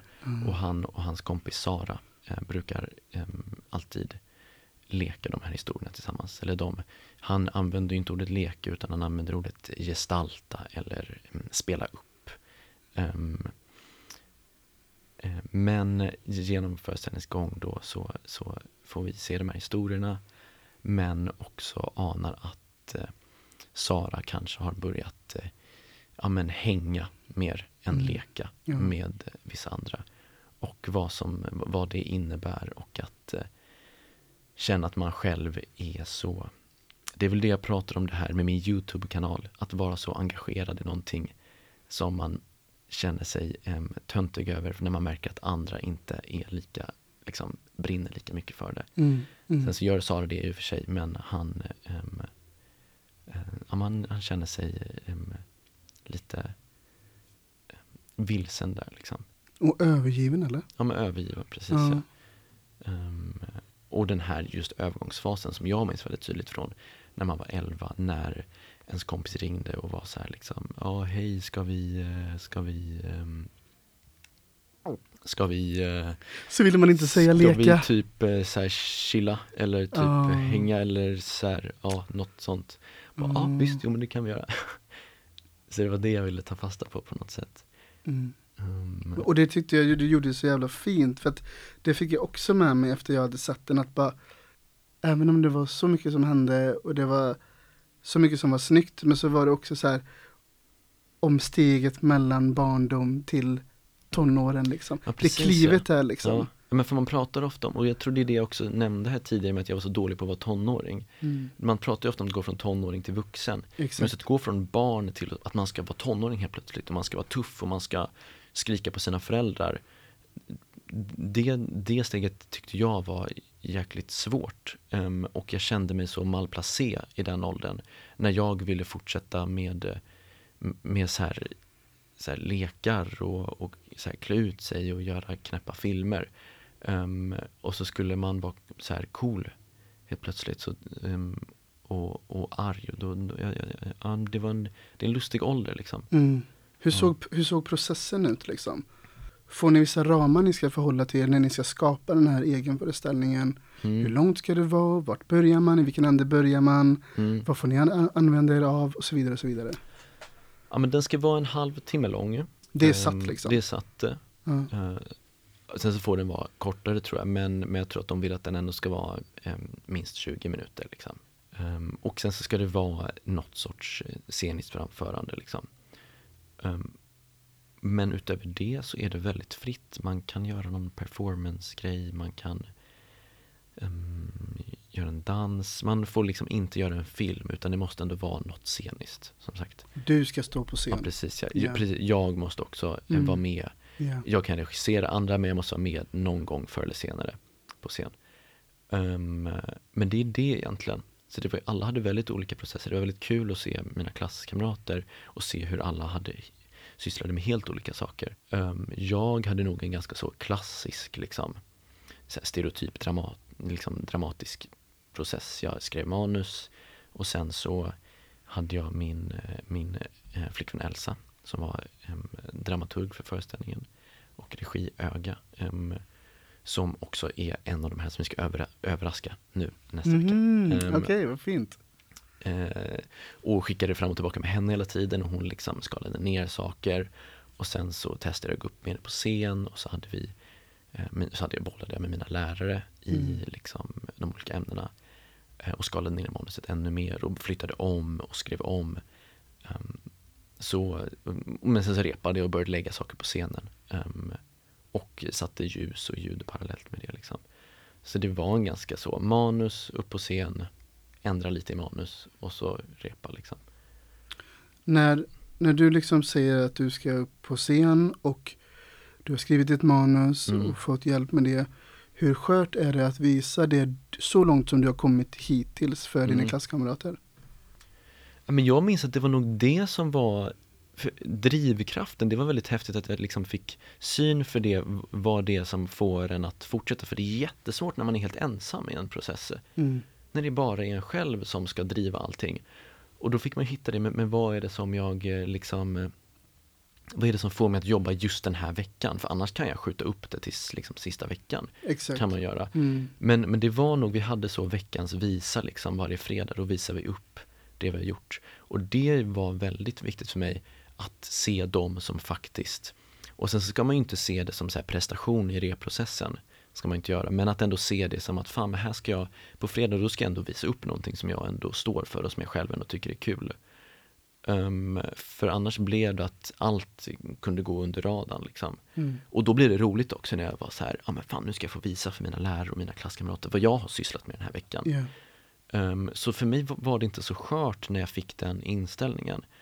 Um, sen så var det ju såklart lite nervöst men, men jag, jag försökte nog se det på ett lustfyllt sätt um, att faktiskt få visa upp. och det var det som liksom fick mig att också jobba just för den här veckan. För det är jättesvårt att börja med hela, hela föreställningen utan man får, ja men den här scenen ska jag fan göra riktigt skarp nu inför fredag. Men hur mycket skilde sig liksom föreställningen från varje fredag?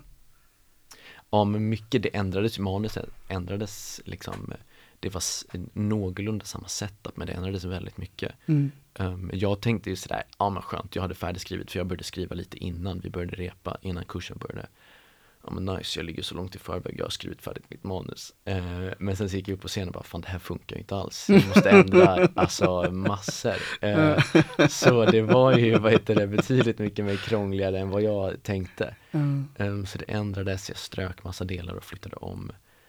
Um, och det var ju en svår balans just eftersom att han pratar om de här grekiska myterna. Han är ett sånt stort fan. Mm. Och hans största dilemma är att ingen annan är ett sånt stort fan. Yeah. Och publiken är ju inte heller det.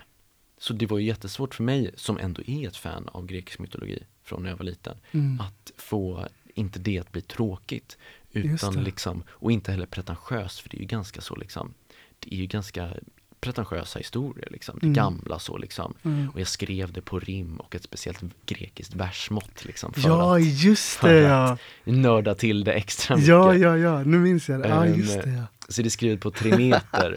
Ehm, ja. Och, och då var det så, och min flickvän Elsa var ju då bara, men Odin du måste liksom, du måste göra det här, du måste ställa ut honom mer. Publiken måste kunna skratta åt honom när han gör det här.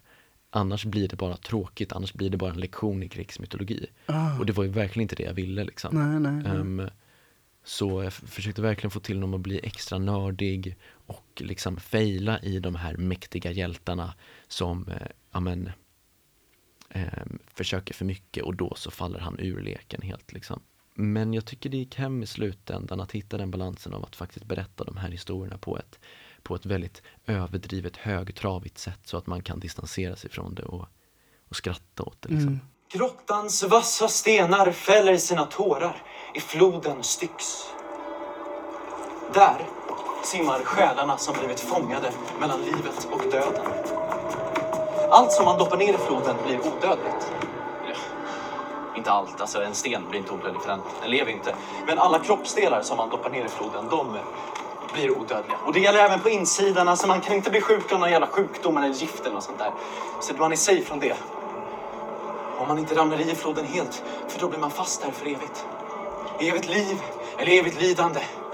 Hjälten Achilles, han tar den risken och ber sin mamma doppa ner honom i floden. Men mamma sluta vara som Pussy och skärp dig! Jag är Sigma, en töntig flod kan inte skrämma mig! Men snälla Achilles, det är ju idioti! Du kan inte bara springa och dyka i! Jag måste ha någonstans att hålla dig min son. Jag är så rädd att jag ska tappa dig i ån.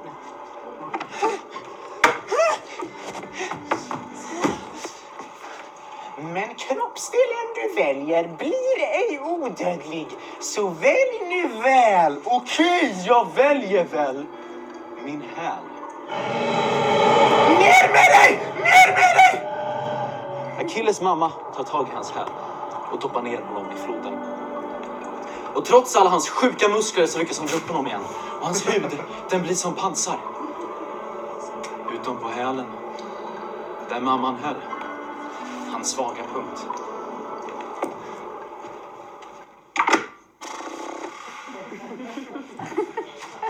Alla har en akilleshäl. Alltså man kanske inte tror det, men det är så.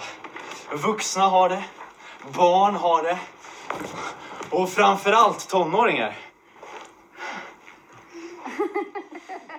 Ja, men det var, det var, det var väldigt kul. Jag, jag, jag hade alltid in- intentionen av att det skulle vara pedagogiskt, för det tycker jag är det värsta med liksom, teater för barn och unga. eh, Man ska lära dem någonting liksom. Att de ska lära sig Ja. någonting.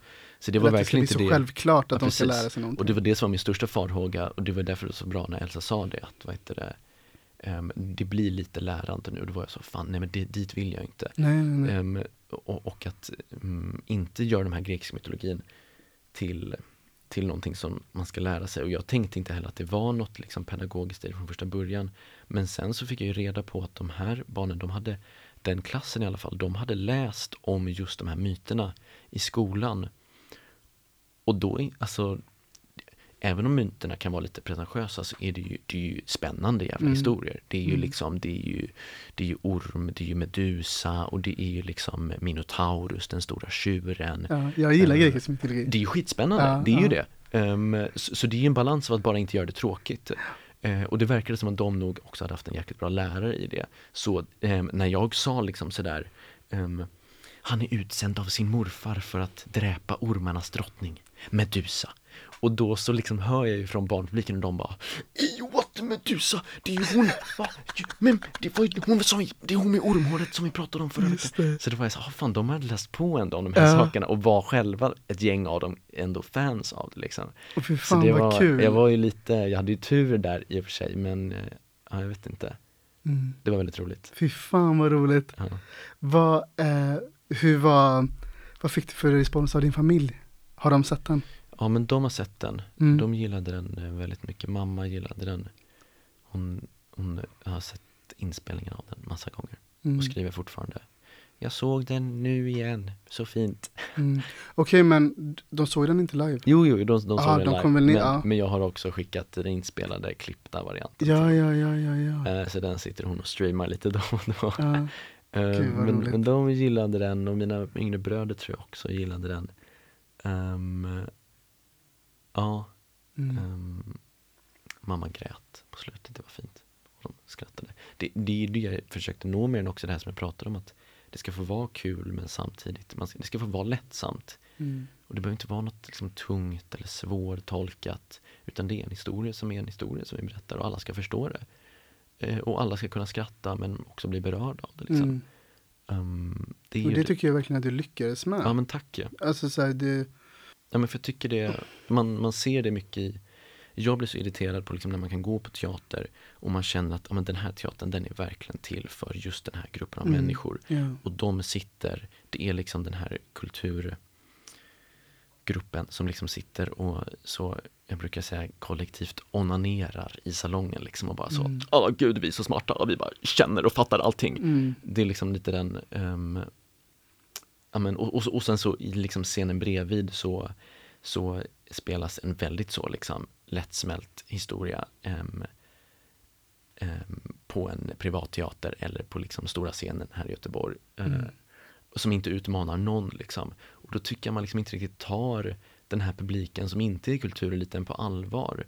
Tycker det är så synd att man liksom så här, ja ja, men de, vi måste göra någonting för dem också, då gör vi det jättelättsmält. Mm. Man borde liksom eh, göra det enkelt men sen så ska det också eh, beröra och ifrågasätta. Jag håller verkligen med dig där, för det, jag har tänkt precis likadant Mm. ett flertal gånger när jag gått på teater att så här att shit den här föreställningen var verkligen inte för alla.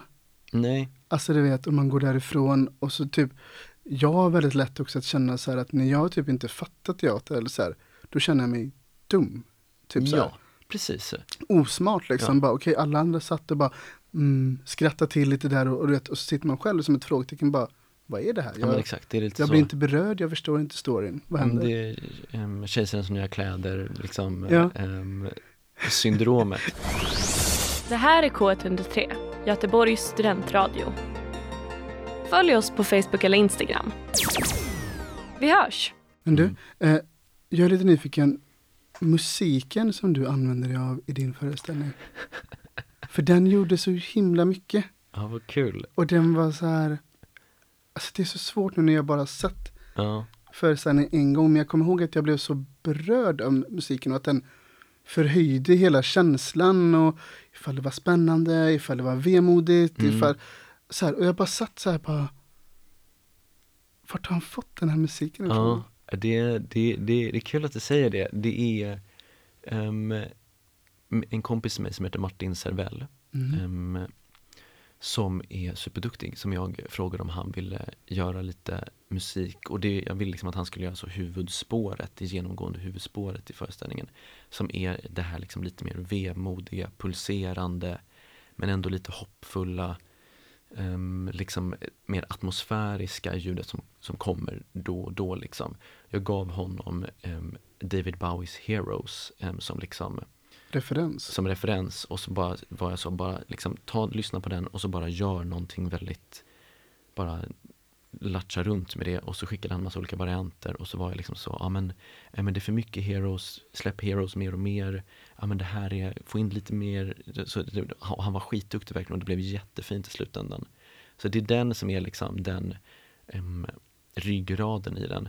Och ovanpå den så har jag bara byggt i de här myterna då, när det liksom smäller om till nu är vi, nu är vi i labyrinten Mm. um, med Teseus och Minotaurus. Um, då har jag letat jättelänge efter så antik grekisk musik som ska kännas lite så ja, men, em, spännande och liksom historieaktig. Och de har ju de här harporna liksom och eh, em, olika speciella trummor. Så jag har suttit Ja. väldigt länge och letat em, i vad som faktiskt är grekisk musik. Och jag tittade runt överallt och försökte hitta någonting. Men allting var så, det var liksom så kul, kultur, em, enligt. Utan, så det blev, det, all musik som jag hittade var liksom verkligen så som de spelade den på den tiden. Och det var ju liksom, det blev lite för tråkigt. Ehm, så det slutade med att jag ehm, var hemma en helg och så träffade jag min lillebrorsa som satt och spelade Assassin's Creed Mhm. Odyssey som utspelar sig i antikens Grekland. Och han var så här, fan du måste spela det här, det är ju din föreställning, det är ju skitbra. Det här spelet är grymt. Och jag bara, "Jaha, okej, ja just det, fan, det är ju jätte, det ser ju skitsnyggt ut. Eh, och sen så och har jag letat musik hur länge som helst och varit inne i de, liksom så här, de djupaste liksom vråna av så här liksom grekiska kulturfolks, folkkulturs liksom band. Mm. Ehm, och sen så bara gå in på Assassin's Creed Odyssey-albumet, sätter på första låten och bara, här har jag det. så allting är Assassin's Creed-musiken. Mm. Finns den på Spotify? Den finns på Spotify. Oh, wow! Ja, det är ett helt album där av låtar på liksom så här tre timmar som jag bara alla de här kan jag använda på något sätt. Ja. Så det var bara en guldgruva. Och det är det jag menar, jag hade liksom försökt så här, hitta något så här, det ska vara så, det, det ska vara enligt så som det faktiskt var. Och, och de använde sig av samma instrument, men där fick jag också det här liksom actionen och historieberättandet som ändå finns med i spelet när det ska få vara de olika miljöerna. Och det var ju flera av låtarna som var så här, typ när jag hitt, försökte leta låt till den här labyrinten så hittade jag en låt som hette så här Labyrinth of Lost Souls. Så jag bara, I guess det är väl den som jag ska använda. så det var verkligen som att jag hade fått en, en grekisk liksom symfoniorkester som hade komponerat hela föreställningen till mig. Fy fan Jag kunde fint. liksom verkligen eh, välja och plocka där. Men det är många som har kommit fram och bara, vart kommer den här musiken Ja, ifrån? ja. Och då tar det alltid emot lite att säga så här, jag hade helst velat säga att jag, ja men, men, eh, men det är, det är Assassin's Creed, det är inget Mm. mer med det. Mm. Och din vän som gjorde, Och med, Ma- Martin Ja, Sevilla, ja, det är ju verkligen den, den vackra av dem. mm. Men de är actionfyllda är ju, som är mer liksom historierna. Mm. Ehm, Gud Ja. vad spännande. men det är bara in och lyssna på jag ska göra det faktiskt. Martin Sevell har också Ashiari heter han på Spotify. Han är, Ah. han är duktig. Ja. Mm. Hur stor chans är det att vi kommer kunna se den här föreställningen igen? Alltså det är en bra fråga. Jag har skickat runt den till lite olika teatrar, en länk. Jag har inte fått något napp än. Ehm, jag får se. Ehm, den finns ju där och ligger väl och puttrar. Um, får se om jag ska ha praktik på Masthugsteatern i höst. Mhm. Um, se om man kanske kan få till någon lunchföreställning någonstans eller sådär. Mm. Men den är väldigt rolig att spela så jag hoppas att få, få göra det igen. Mm. Det är, det är kul att få spela de här actionfyllda historierna. Och det här eh, pampiga och det är mycket ljud, ljud och ljuseffekter så det är jäkligt coolt att få stå på scenen. Mm. Liksom. Ja, jag kan tänka mig det. Ja men det är ju, när man får skriva själv då, då skriver man ju bara något som man själv vill vara med i. Mm. Men det syntes också, jag tänkte på det när jag satt i publiken, bara fan det, det syns på dig att det var kul. Ja, Alltså det ser lustfullt ut. ja men det är, det ligger, den, den ligger nära, nära till hjärtat. Ja. Men du, Masthuggsteatern, får du säga vilken föreställning du ska vara med i? Det tror jag nog. Jag gör det nu. Mm. De, de ska sätta upp, ehm, eller vi ska sätta upp Det blåser på månen ehm, för låg och mellanstadiet. Mhm. ehm, som är en sån gammal brittisk så, eh, det är inte Roald Dahl, men eh, nu minns inte jag vad författaren heter. Men, men, men det är ju i den liksom, svängen. Mm. Um, jätterolig och, och också så, en, liksom ett äventyr. Så det ska bli väldigt kul. Mm. Jag vet inte vad jag ska spela eller någonting. Jag vet bara att det ska, ehm, jag vet bara att det ska bli den. Gud vad kul. Ja, Ja, det ska bli kul. det, hoppas att ni spelar på kvällar också så att det inte bara är för, Ja, men det tror jag. Det Mm. kommer det, kommer det nog vara. i så fall kommer jag kolla. Mm, gör det. Eh, vi ska släppa din egen föreställning nu. Ja, Eh, vi ska gå vidare till Limbo. just det. Ja. Ja. Eh, en serie på Viaplay baserad på verkliga händelser. Serien kretsar ju kring tre, tre olika familjer va? Mm, Ja. Eh, vars barn hamnar i en trafikolycka. precis. Och förra söndagen tror jag det var så släpptes sista avsnittet på säsong ett. Ja, Eh, Mm. Och jag har sett alla avsnitt. Och du har det? den, ja, vad kul. jag tyckte den var fantastisk. Ja, vad roligt. Jättetung, Ja, men det är den. men väldigt fin. Ja, Hur blev du involverad i det här? Eh, Jag, det är en rolig historia, liksom när, efter studenten i gymnasiet så, så em, hade jag, eh, så började jag jobba em, bakom kameran som runner och produktionsassistent och Mhm. fotoassistent och sådär. Okej. Em, och då så eh, jobbade jag på, gjorde praktik på Parlamentet, det tv-programmet Mm. i, i Filmhuset i Stockholm. Em, och så gick jag runt och bar så här cola-burkar liksom till de olika komikerna liksom. Um, slet och stånkade. Stod i något förråd och liksom höll på med kvastar och saker föll ut. Det var liksom så Peter Parker eh, känsla på det liksom. Och sen så är det en, så var producenten där, um, han satt tillsammans med uh, regissören Sofia Jupiter, som jag hade aldrig träffat innan. Och så sa han, ja men Odin kommer och hälsa på Sofia. Um, Odin han, han jobbar som, som, eller han jobbar, han håller på med skådespeleri och är jättebra. Han har aldrig sett mig så han, han visste ju inte men han var schysst och Han rekommenderade ville mig. höja dig lite Ja ändå. precis. Mm, Em, fint. och hon var ju så liksom, alltså hon får väl hur mycket sånt som helst. Ja. Så hon var liksom så här, ja, ja, ja, jo, hej, hej, kul att träffas. Mm, och sen så gick det typ ett halvår och sen så skulle jag på en casting ehm, till Limbo ehm, som, som jag hade skickat in till. Och då så fick jag reda på att hon regisserade den. Eh, och då så träffade vi, ja men just det. ehm, så då liksom eh, möttes vi där utan att eh, så det var inte, hon, hon hade inte tipsat mig liksom från det mötet. Men då Nej. så mindes hon att just det, vi hälsade ju. Ja. Ehm, och så gjorde jag en casting i typ så här i december. Hörde inte någonting fram tills liksom fram tills ja, men, juni typ. Um, Oj, så det Radio Silence och så var det så här, hej vill du komma in på en till casting, en callback? Och jag bara, ha, jaha just det, den. Jo men det kan jag väl göra. Och så gick jag in och så fick jag träffa Louise Peterhoff som spelar min mamma Mm. och Sofia och ehm, Fredrik Lehmann som är castare. Och så testade vi en scen fram och tillbaka. Det var jättekul. Ehm, eh, och klickade jättebra med dem. Det var liksom en sån otroligt härlig casting som man kände så kul att gå därifrån. Ehm, och så fick jag svar bara typ två dagar senare att jag hade, att jag hade fått rollen. Ehm, så det var en väldigt lustig, eh, utdragen och tyst castingprocess från Mm. att gå från noll till hundra. Och sen bara typ ett par dagar senare så fick jag reda på att jag kom in på scenskolan. oj. Ja. Så det var en sån liksom guldvecka där. Ja, Ehm, verkligen. ehm, men, men det var så det gick till. Ehm, När spelade ni in serien? och då spelade vi in det lite under sommaren och sen lite under i början på höstterminen. Ehm, till mina lärares um, missnöje. Ehm, men jag hade redan skrivit på det så jag var liksom lite bakbunden Mm. ehm, till mitt Och ni försvar. spelade in i Stockholm ja, antar vi jag? spelade in ja. i Stockholm. Ja. Ehm, men det var, det var väldigt kul. Sofia Jupiter, regissören, är ju, och var ju, med- har ju mest varit på, på operan och, och, och teater. Så hon har ju liksom eh, inte sysslat så mycket med film förut. Och det var nog liksom, eh, det gynnade verkligen den serien. För det är ju ett sånt, liksom verkligen ett sånt eh, Norén-drama liksom. Så det fick verkligen vara fokus på skådespeleri från hennes sida. Um, och det kändes av hela produktionen som jag liksom aldrig varit med om innan, att det verkligen är fokus på ja, men vad är det som händer i scenen och vad är det de här karaktärerna går igenom. Så Mm. det, var ett, eh, det var väldigt ehm, kul att skådespela i den. Ehm, för den, just eftersom att den är så drama skådespelartung. Mm, ja. Vad, har du sett alla avsnitt själv? ja, det har jag faktiskt. Mm. Det har jag. Vad tyckte du?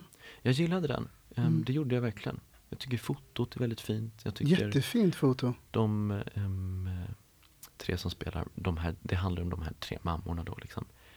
Um, är ju ett sånt, de är en sån grym trio liksom. Mm. Mm.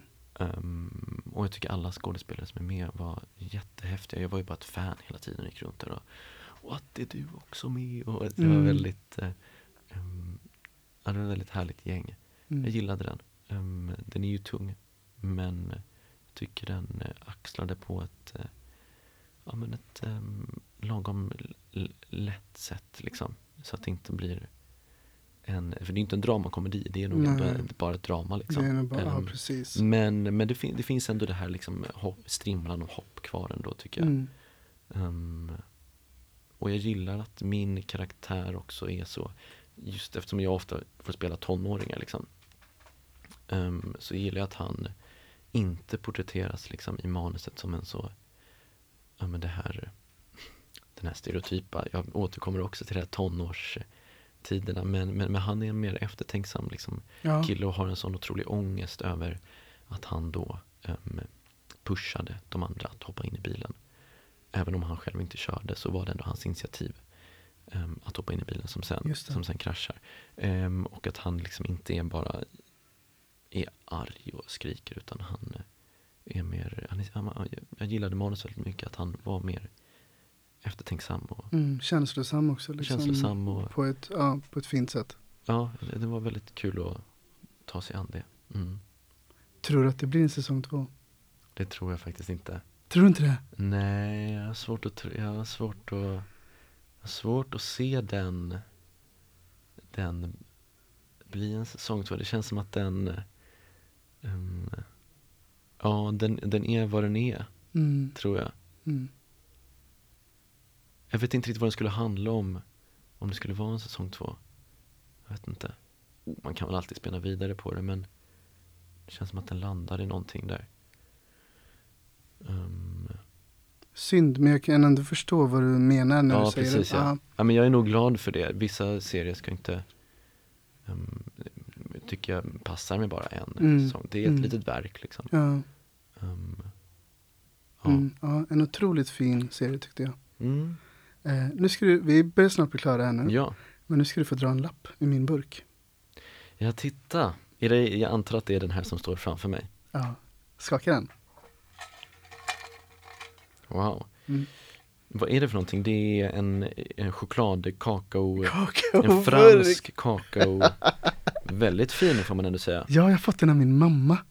Gud. Och det var så här att, och hon vet ju att jag håller på med teaterfilm och hon bara, Ja, "T- här har du en burk, ta den här. Eh, Den kan du säkert använda som rekvisita. Och så Ja, har det men bara blivit är- min poddburk liksom. ja, men den är väldigt fin. Ja, otroligt fin. Kunglig hovleverantör? Nej, det är den tyska, nej de har inte någon kung i Tyskland. Ja, jag drar. Jag ska inte, jag ska inte dra på det. Ehm, jag plockar någonting här där vi ska Ja. se. Ska se vad det väljer också för färg. Ja, jag tog, jag tog en den. gul Jag lapp. tog en gul. Mm, Det stod mellan gul och rosa. exakt. Ska vi se vad det står här då. Pengar. Mhm. Vad är din första tanke? Du får inte lägga tillbaka Nej, i nej. burken. Vad är din första tanke när, när du läser ordet pengar? Ja, det är väl... Ja.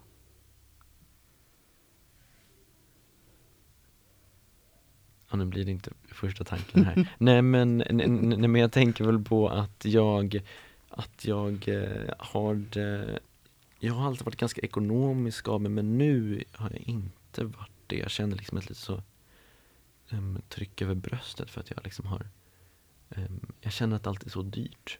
Mm. Ehm, men det är väl kanske lågkonjunkturen. Att liksom, Och att du är student. och att jag är student. Ja, men jag ändå, jag har ändå klarat mig em, ganska väl. Jag har ju liksom aldrig riktigt fått tagit CSN-lån. Att, em, det är ju först nu när jag har börjat skolan som jag liksom har så 10 000 i månaden i CSN är ju skitmycket för mig. Jag har ju så här, jag har liksom för mig bara badat i pengar. Em, Mm. Ehm, men ja, nej jag vet inte. Ju- Just nu är det lite, um, känner mig lite, lite, lite snål och försöker spara in för de senaste månaderna.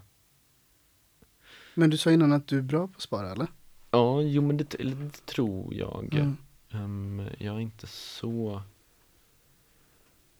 ehm, jag, är inte så jag är inte så slösaktig av mig, tror jag. Men det kanske är Kanske är ett bevis på att man är det. Att man tänker att man inte är det.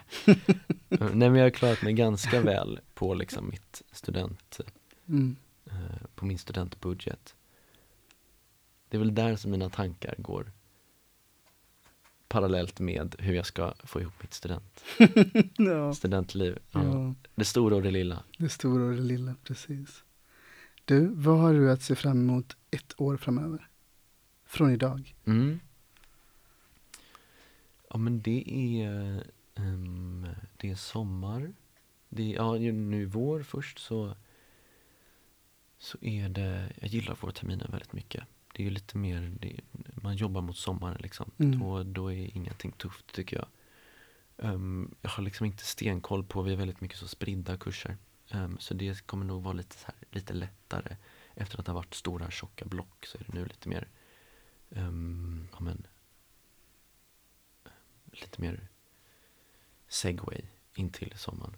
Så ska jag jobba på kollo um, med mellanstadiekids på teaterkollo ute på Mhm. Barnensö. Um, Oh, wow. Det ska bli väldigt kul. Jag jobbade där förra sommaren också. Um, och det är väldigt roligt. Teaterkollo, wow. Ja, det är fantastiskt faktiskt. Mm. Få betalt för att bara vara, ha sommarlov. Hur, hur länge jobbar du där? Är det fyra eller åtta veckor? Ehm, det, är, det är fyra veckor. Mm. Är. Mm. Har du jobbat kollo? Nej, Nej, men du hade koll på fyra, åtta veckor? ja för att det, ja precis, du märkte det. Ja. Att det har verkligen varit en av mina högsta drömmar att jobba på kollo. Jaha, I okej. mitt huvud så är det så här att bara Shit vad det hade varit mysigt Det är och väldigt idylliskt. ja, liksom. idylliskt Ja. och en upplevelse och ett minne för livet. Eh, och sen så vet jag att jag hittade faktiskt ett filmkollo utanför Göteborg någonstans. Ja, ja. Ehm, och så mejlade de att bara hej, eh, jag heter det här och jag håller på med det här och min största dröm hade varit att få jobba på, på eller en av mina största drömmar hade varit att jobba på ett kollo. Eh, och då sa de det att ja men absolut, du får Mm. jättegärna jobba här. Eh, hur länge kan du jobba? Fyra eller åtta veckor? Och då hade jag så här, min semester var på fyra Ah, veckor. Och jag ja. bara, jag tänkte bara, ja, men nej, kanske, bara, kanske kommer förbi en vecka. men det gick inte riktigt så jag fick inte ihop det liksom. Nej. Men det hade varit eh, så häftigt verkligen. Ja, kul med filmkollo. Mm. Ja, nej men det, nej, men det är väldigt roligt faktiskt. Mm. Det, det, blir ett, eh, det blir ett härligt klimat med de barnen som man verkligen lär känna. Och ja, det blir... ehm, ja, Är det vemodigt att säga hej, hej då efter fyra veckor liksom? Ja, det, det, det, det är två veckors perioder. Så det, eh, i fyra veckor så är det liksom eh, så är det två ba- barngrupper. Mm. Men ja, jo men det. Mm. Man hoppas på att få se dem nästa år igen. Mm. Men eh, jo men det är det. Sen ser man också väldigt trött, det ska man inte sticka under stolen med. Man, det, det är lite skönt också. Hur långa arbetsdagar är det? Um, ja men det, är- det, är, vad heter det, man jobbar så lite i, i pass. Um, Mm. De första är från så här, um, typ, um, ja men, eh, jag minns inte exakt, men sex fram till liksom lunch. Och sen så är det några som jobbar så här från 11 fram tills middag och det några som jobbar från lunch fram tills kvällen. Liksom. Okej, ja ja ja. Så man, man byter av varandra ganska väl. Mm. Um, men, men man är ju där ute hela tiden liksom, så man blir ju verkligen Man får ju ett helt eh, um, annat liv liksom. Mm. Men det är väldigt kul. Um, jag ser fram emot att komma tillbaka. Um, så det ska jag göra i sommar. Och så ska jag kanske spela in en, en, en långfilm. Mhm. Mm, som inte är helt finansierad än. Ehm, den ska få green light 3 april. Så då får jag se om det blir av eller inte. Åh, jag håller vänster tumme. Ja, jag håller höger så har vi. Eh, men det ska, det ska bli kul. Ehm, om det blir av då. Och så, ja, hösten, då är det praktik um, på Masthugsteatern. Som jag nämnde. Ja. Vi får se om vi kommer ha med detta eller ifall jag behöver klippa bort det.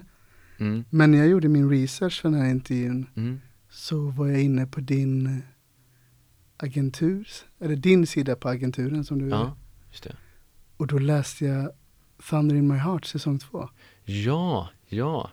Det är väldigt kul. Det ser jag fram emot väldigt mycket. Ja. Det tror jag inte att man måste klippa bort. Nej. Eh, den kommer ut, för den är annonsad och den kommer ut snart, den kommer ut i början på april. Jaha, Ja. okej. De, de har klippt den så otroligt fort, det brukar ju ta jättelång tid. Jag spelade in den i, i somras liksom. Ehm, och, och nu är den redan på väg ut. Ja. Det ska bli otroligt Har, roligt. du, har du sett någonting av den?